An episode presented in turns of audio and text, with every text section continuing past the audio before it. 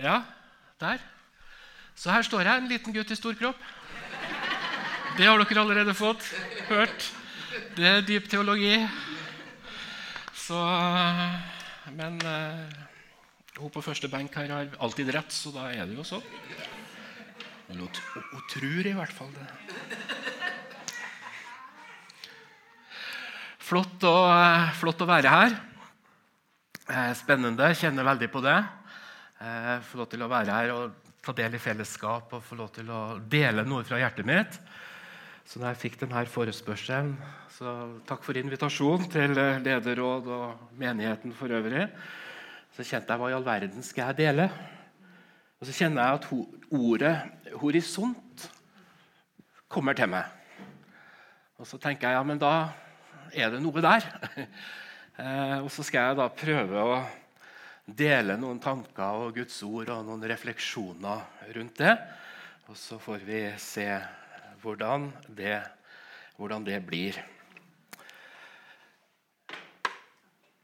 I eh, profeten Habauk, i det andre kapittelet som vi får opp på, på skjerm der, eh, så, så står det Jeg vil stå på min vaktpost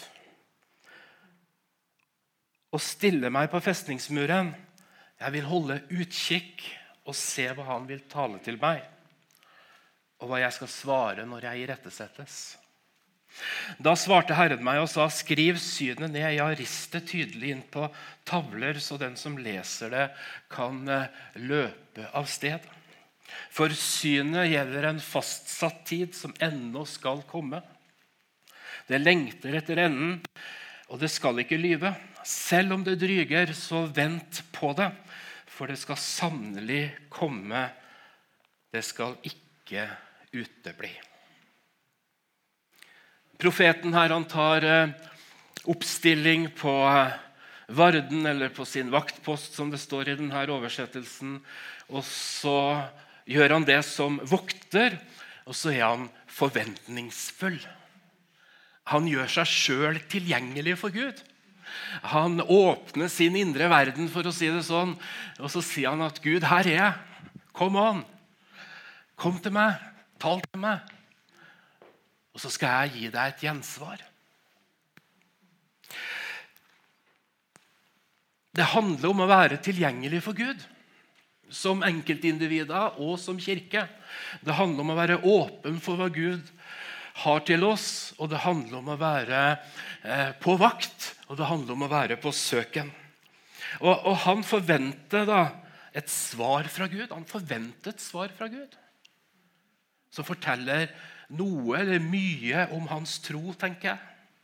Og Vi også vi utfordres til å høre fra Gud. Høre hva Gud har å si til oss. Og til å gi Gud et gjensvar på hva han eh, sier til oss, og på hva vi hører. Så, så det er jo to sider her i samme sak. Gud må tale til oss. Vi må gjøre oss tilgjengelige, åpne for hva Gud har å si og komme med.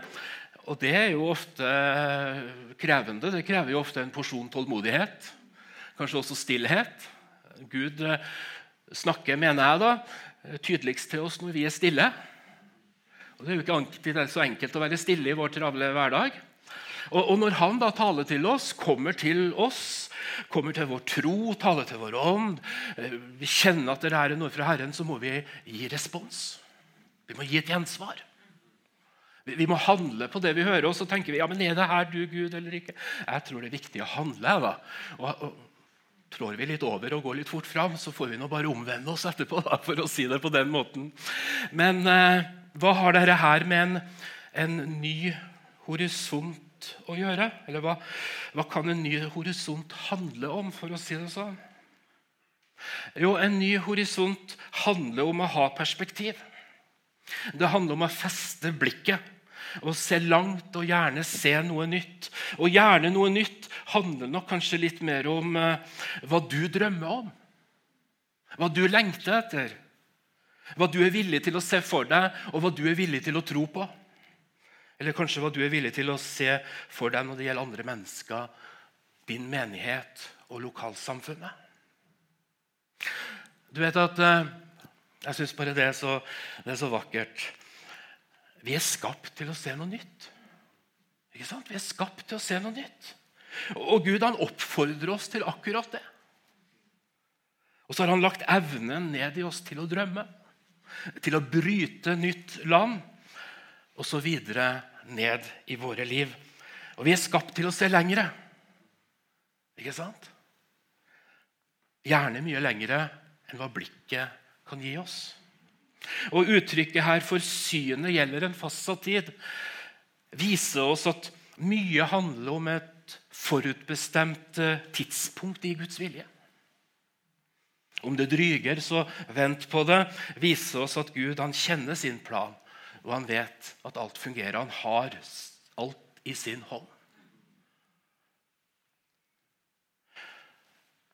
Og Bibelen vår underviser oss i det her, trener oss i det her med å, med å feste blikket vårt. Vi fester blikket på Jesus Kristus, men vi fester også blikket på det som vi ser for oss i våre visjoner, i våre drømmer, i våre strategier. På de måtene vi jobber med kirke eller i privatlivet vårt, så fester vi blikket på Han. Vi fester blikket på korset. Vi fester blikket på Jesus Kristus. Det er det det handler om. Og Bibelen oppfordrer oss til det, trener oss, lærer oss til akkurat det. Og den underviser oss om akkurat det. Og igjen oppfordrer oss til det så har vi Den hellige ånd. Ikke sant? Vi har Den hellige ånd som lærer oss å feste blikket. Hva skulle vi gjort uten Den hellige ånd? Det har vært magre greier, altså.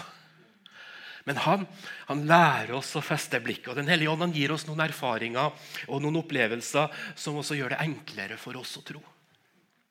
Når jeg var nyfrelst, jeg ble frelst i årsskiftet 96-97, så, så, ble jeg frelst fra en veldig mørk tilværelse. Jeg kan ikke ta det nå, for det er et altfor stort kapittel. Eh, så det kanskje kunne ha blitt en annen gang. eller noe sånt. Men, men, i hvert fall, livet mitt er så mørkt som det kan bli. Det er så mørkt som det overhodet kan bli. Og, og eh, så blir jeg frelst. Jeg får lov til å møte Jesus, og jeg hadde gått på møter i den lokale pinsemenigheten på Orkanger i, i, tre år på tross av det livet jeg levde, og opplevd Gud så sterkt mange mange, mange ganger. Jeg bøyd knær og blitt frelst på hvert møte, men det var jo ingen overgivelse. ikke sant? Men, men, jeg visste jo, det var jo ikke noe veien med tro. Jeg visste jo at Jesus, jeg trodde jo på alt, men, men det var jo ikke personlig. Jeg var jo ikke omvendt. Så, så ting hadde fortsatt makt i livet mitt til de grader. Så, så når møtet var over, så dro jeg bare hjem og så gjorde jeg det samme som jeg hadde gjort i mange mange, mange år. Og så eh, får jeg lov til å bli frelst. Og Noe av det sterkeste jeg opplever med å bli frelst, det er jo en ting at jeg skjønner at jeg berga livet. Jeg har fått livet tilbake. Det var liksom greia. Eh, evigheten og alt det her var ok, det òg, men liksom fått livet tilbake. Jeg overlevde. Jeg som ikke trodde at jeg skulle overleve det her livet. Og da er jeg, det her er omtrent 25 år siden. Og en februarkveld eh, i tolvtida på natta så, så, var jeg ute og lufta den bikkja jeg hadde. Jeg hadde med meg en hund fra det forrige livet. En sånn firestjernes bastard. Fire karelsk bjørnehund med border collar og, og buhund og en annen sort som ikke jeg vet hva det var. Og hun var døv. Så, så, så hun, når hun ville være ulydig, så så hun bare bort. Ellers så fungerer det veldig bra. og, så, og, så, går jo jeg da som nyfrelst ut. og Jeg, jeg røyka fortsatt da, så det var siste røyken også på kvelden. Eh, slutta et halvår etterpå med det. Så har jeg fått understreket det også. så, så går jeg ut. Jesus, må du bare fylle meg. Må du bare fylle meg, liksom sånn lengsel etter, etter Han som har berga livet mitt. Og så står jeg der, og så kjenner jeg det så fysisk og så tydelig, så erfaringsmessig. Hvordan det bare kommer noe ovenfra. Bokstavelig talt. Som ei trakt som bare trer seg over meg. Et sånt nærvær av Gud.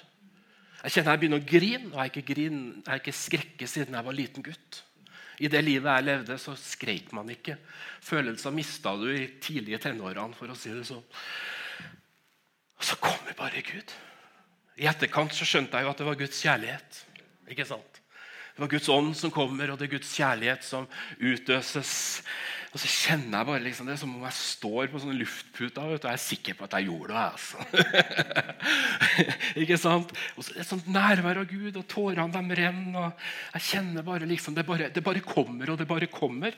Og Så ser jeg bort på bikkja mi og så ser jeg at hun liksom begynner Hva, hva er det her for noe? Eh, og så sier jeg til henne, selv om hun ikke hadde noe hørsel hun heter Shiva. da.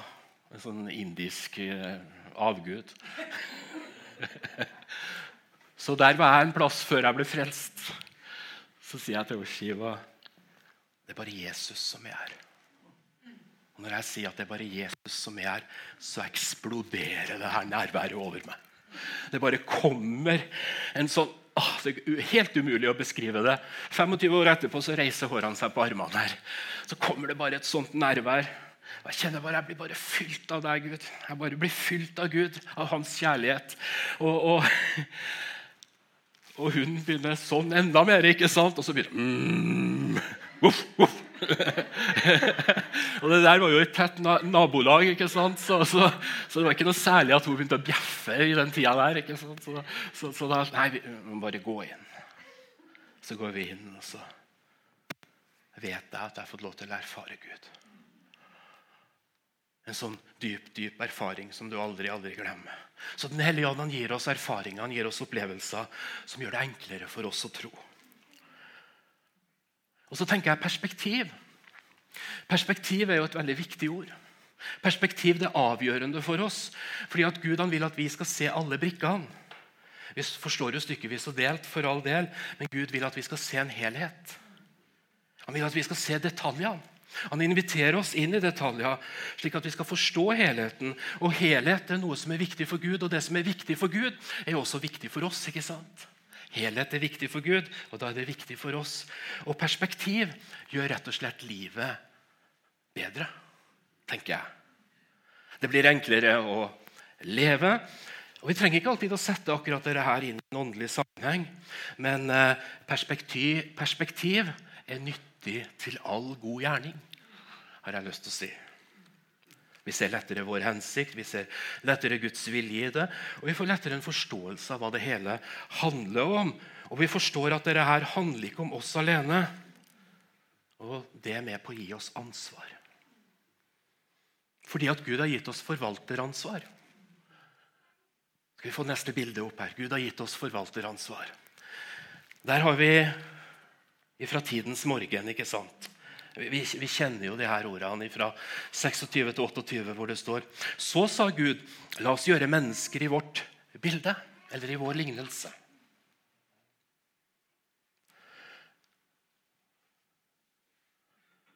De skal ha råderetten over fisken i havet, over fuglene i luften, over fe, over hele jorden, over hvert kryp som rører seg på jorden. Så skapte Gud mennesket i sitt bilde. I Guds bilde skapte han dem. Til mann og kvinne skapte han dem. Så velsignet han dem. Og Gud sa til dem, 'Vær fruktbare'. Vær fruktbare. Bli mange. Fyll opp jorden og legg den under dere. Dere skal ha råderetten over fiskene i havet, over fuglene i luften, over hver levende skapning som rører seg på jorda. Altså, vi skal råde.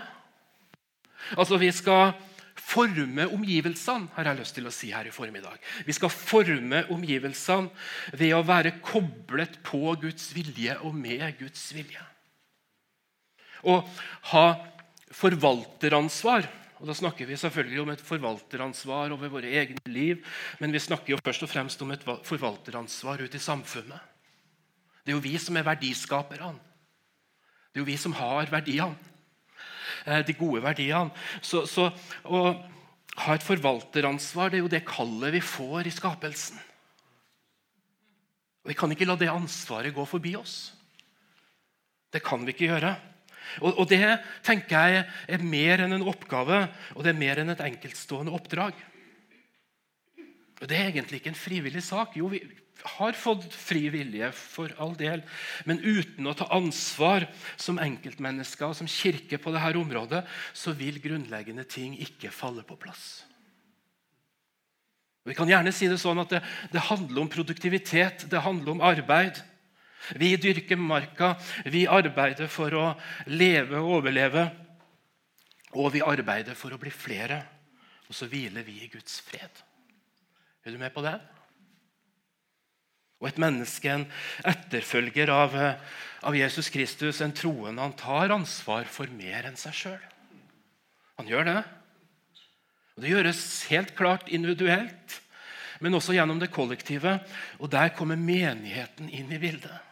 Og Det som Jesus sier her på det neste bildet, i, i Johannes 13, eh, 34, så sier han et nytt bud gir jeg dere. Dere skal elske hverandre. Slik jeg elsket dere, skal dere elske hverandre. Amen. Vi spleise på et amen? Amen. Sjenerøst. Takk, takk. Så, så, vi som menighet vi bærer det her kallet. Og så kan vi da spørre oss sjøl hva er det her å si for en ny horisont? Hva er definisjonen på en horisont? Det kommer en forklaring opp her nå på, på skjerm, og, og, det finnes helt sikkert en mer vitenskapelig forklaring. Men den her får være god nok i dag. Horisonten er linjen som skiller mellom det vi fysisk ser, og det som ligger bortenfor. Linja som skiller himmel og jord. Altså, vi samles om et større fokus. Er du med? Vi samles om et større fokus. Og så har jeg bare lyst til å gi deg tre korte punkt her, og det er tre korte punkt på de neste tre bildene. Én Du må ha en drøm. Skal vi få opp det neste bildet? Du må ha en drøm. Det er, det er viktig å ha drømmer, ikke sant? Det er viktig å ha drømmer. Eh, og jeg tenker at Vi må ikke være redd for å ha for store drømmer. Vet du hva? Drømmene våre kan aldri bli for store. Aldri bli for store. Og en annen ting dine drømmer kan bli til virkelighet. Dine drømmer kan bli til virkelighet. Og dine drømmer kan skape store ting. Og også noe som er helt nydelig, det er at dine drømmer er viktige for andre. Tenk det. Mine drømmer betyr noe for andre mennesker. Kan bety noe for andre mennesker. Og Når vi da drømmer kollektivt som kirke, så bygger vi også kollektivt. To Du må se noe som er større enn deg sjøl. Jeg sa det var tre korte punkt. Du må se noe som er større enn deg sjøl. Vi, vi, er en del av noe som er større. Det vet vi. ikke sant? Eh, og det er alltid noe som er større enn vår egen sak. Og der kobler vi oss på fordi vi ønsker å ha et vidsyn. Vi ønsker å ha perspektiv. Og vi da som lever sammen med Gud, vi vil alltid oppleve og alltid få erfare at Gud er større enn alt. Og da er det slik at det, ingenting er umulig for den som tror. Tro er å se noe som er større enn seg sjøl. Tredje punkt. Du må se noe som inneholder Guds vilje. Guds vilje vil alltid være det viktigste, den åpenbare for oss det mest utroligste.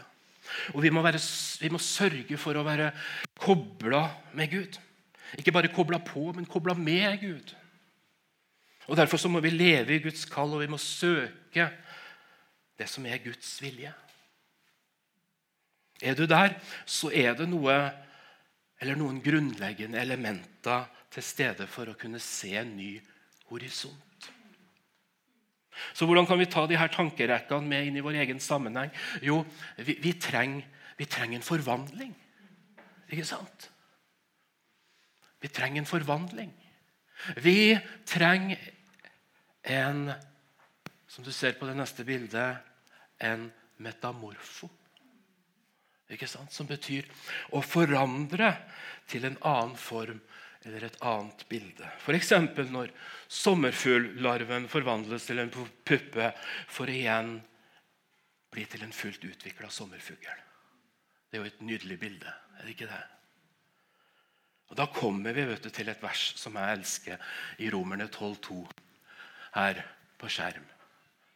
Er ikke det der et bra vers? Er ikke det der et bra vers? Amen. Amen. Og bli ikke dannet lik denne verden, men bli forvandlet ved fornyelsen av deres sinn, så dere kan prøve hva som er den gode og velbehagelige og fullkomne Guds vilje. Å, det er så bra.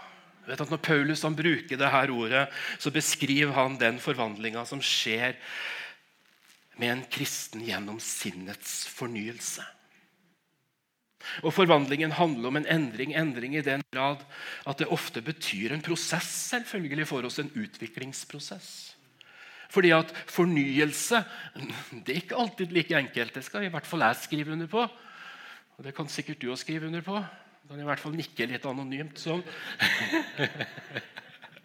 så, så, så vi snakker om sinnets fornyelse. da som er så viktig for oss. Og for å få tak i det grunnleggende og videreføre de her tankerekkene i forhold til perspektiv og en ny horisont, så vil et eh, kontinuerlig fokus på sinnets fornyelse være helt nødvendig og helt avgjørende.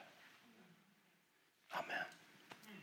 Og nettopp Paulus er kanskje det aller beste eksempelet på det her. At den forvandlingen som skjer med han i møte, på, i møte med Jesus der på Damaskusveien, viser oss hvordan et helt nytt syn kommer, og vi kan snakke om en ny horisont.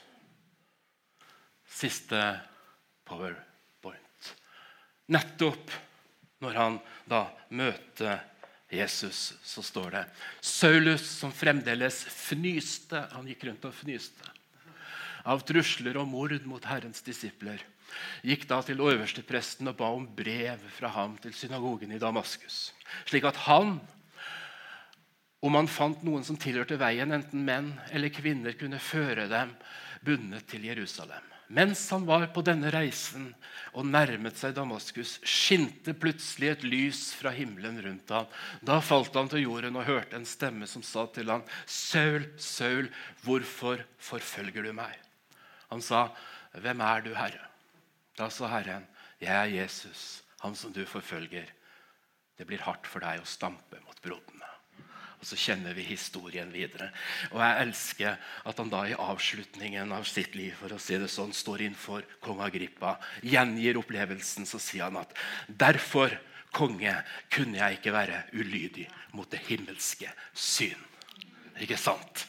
Det himmelske syn. Vet du hva? Jesus er hele, hele, hele løsningen alltid. Og vi kan arbeide å bygge strukturer. Vi kan styrke arbeidet vårt med større innsats og vise hvor ressurssterke vi er. Og forstå meg riktig, Jeg tror på strukturer. Jeg tror på bevisst menighetsbygging. Bygge kirke, bygge menighet, det er langsiktig arbeid. Og slik som verden har blitt i dag, så har nesten menighetsutvikling nesten blitt et fag. Forstå meg nå for all del rett. Så jeg tror på bevissthet, jeg tror på strukturer osv. osv. Men uten Jesus så blir det hele bare organisasjonspolitikk. Gjør det. Fordi at Vi er nemlig på jakt etter noe mer enn en veldrevet organisasjon. Vi er på jakt etter en fungerende kropp som beveger seg i forhold til hva Jesus Kristus ønsker og vil. Det er det vi vil ha, ikke sant? Amen, amen, amen. Derfor så må vi feste blikket. Derfor så må vi ha perspektivet. Derfor så må vi se på Jesus nært og i horisont. Da vil det beste alltid, alltid ligge foran oss. Det gjør det uansett, men da kan vi favne det som er best. Det som ligger foran oss. Det som er Guds vilje, det som er Guds hjerte, det som er Guds ønske. Det som Gud har gjort tilgjengelig for oss. Og det er alt. Det finnes ingen grense i denne verdenen som vi har trådt inn i når vi sa ja til Jesus. Det er ingen grenser. Det finnes ingen grenser. Så kjære dere, sånn avslutningsvis her. Vi må møte Jesus sammen. Amen. Vi må møte Jesus sammen. Vi trenger å møte Gud sammen. Vi trenger å erfare tro sammen. Vi trenger å tro sammen. Vi trenger å være kirke sammen. Vi trenger å være menighet sammen. Fordi det er nettopp det menighet og kirke handler om. Paulus snakker om å få livet sitt forandra. Snakk om å endre perspektiv. Snakk om å få et nytt fokus og se en helt, helt ny horisont i livet sitt. Vet du hva? Jeg har så lyst til å si det. At Gud vil gi deg en sånn opplevelse. Ikke bare én, men mange. Men sånne livsforvandlende øyeblikk. Som det som jeg fortalte skjedde når jeg var nyfrelst. Et fullstendig livsforvandlende øyeblikk. Og jeg kan nevnt flere også. Ikke det at det finnes mange mange sånne, jeg tenker litt sånne, som virkelig har gjort inntrykk. Men det er noen her. Det er noen her, og takk og lov for det. Takk og lov for det. Men ikke bare en opplevelse for deg alene. Men vi trenger en sånn Damaskus-opplevelse sammen. Vi trenger det sammen som menighet, som fellesskap, som familie. Og da tenker jeg at Vi, vi er her ikke bare her i formiddag, men, men, ellers. Vi er her for å bli utfordra. Eh, vi er her for å erfare Gud. Ikke sant? Det, det er jo det vi, det, Hvis vi skal koke det vi holder på med, ned i en ting, så handler det jo om Guds nærhet. Vi ønsker å erfare Guds nærhet. Altså, det er mye annet kjekt. Alt handler jo om Guds nærhet, men altså, det er jo mye som er kjekt og greit. Men når alt kommer til alt, så handler det om Guds nærhet. Hvis ikke så kunne vi jo holdt på med noe annet. Kunne vi starta en ludoklubb. Eller whatever. Ikke sant? Men vi er ute etter Guds nærhet. Det er jo det vi lengter etter. Det er jo det som betyr noe. Det er jo det som skaper noe. Det er jo det som gjør noe med oss. Vi kjenner Herrens nærvær og nærhet. Amen.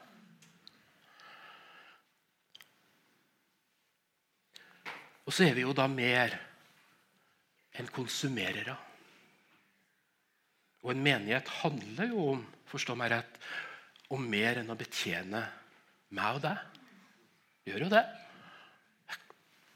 Menigheten må være et sted som gjør mer enn å betjene meg og deg. Og helt til slutt her jeg, jeg bruker å si helt til slutt noen ganger. så hun, det var første gang. Denne gangen skal jeg lure deg. Tror jeg. Menigheten må være et sted hvor Jesus er tydelig og synlig. Ikke sant? Kristusformidlingen må være kjernen alltid. Det må være slik at Jesus får plass. Det må være slik at Jesus får tid. Det må være slik at Den hellige ånd får lov til å begynne å bevege seg. Det må være slik at det er det nødvendig, og det er det. Så må vi omså stoppe opp.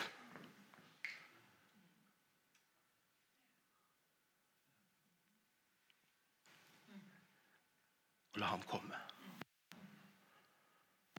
Og la han komme.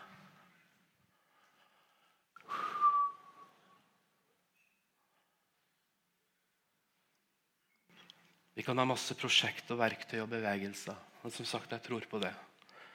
Men Jesus må få lov til å gjennomsyre alt. Troens opphavsmann og troens fullender må få forme vår tro. Herrenes herre og kongenes konge må få lov til å være herre og bli krona til konge iblant oss.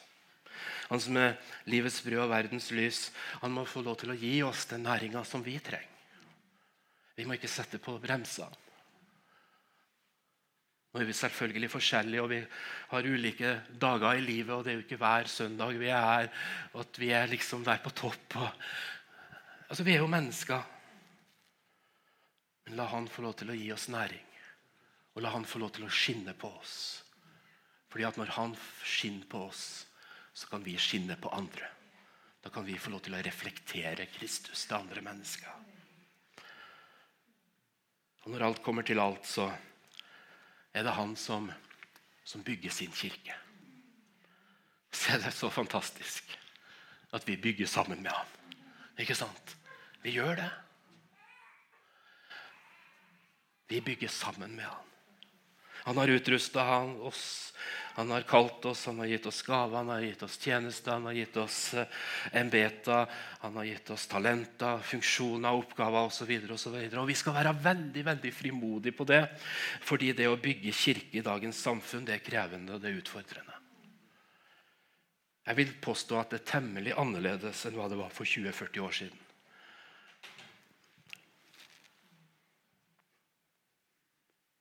Likevel så vet vi at å bygge kirke har hatt samme fellesfaktor i over 2000 år. Nemlig at Jesus Kristus er her. Ikke sant? Så om vi snakker om back to basic eller frem til urkristendom, eller hva som helst, så vil det alltid handle om hvordan vi formidler Jesus til andre mennesker. Det er det det handler om. Det er det det handler om.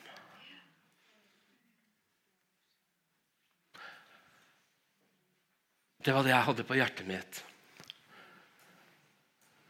Og hvorfor det her ordet horisont kom til meg. Jeg kjenner, kjenner noe at det er nesten som det er noe som er ugjort her inne i forhold til det ordet. Men jeg har delt det som jeg fikk å dele, så da legger jeg bare igjen det ordet. For å si det på den måten.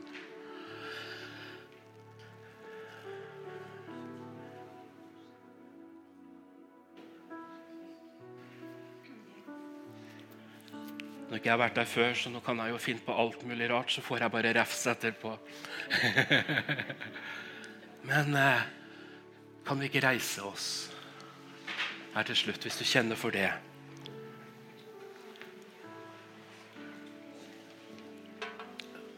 La oss bare ta en stund sammen og, og be og søke Herren. Og så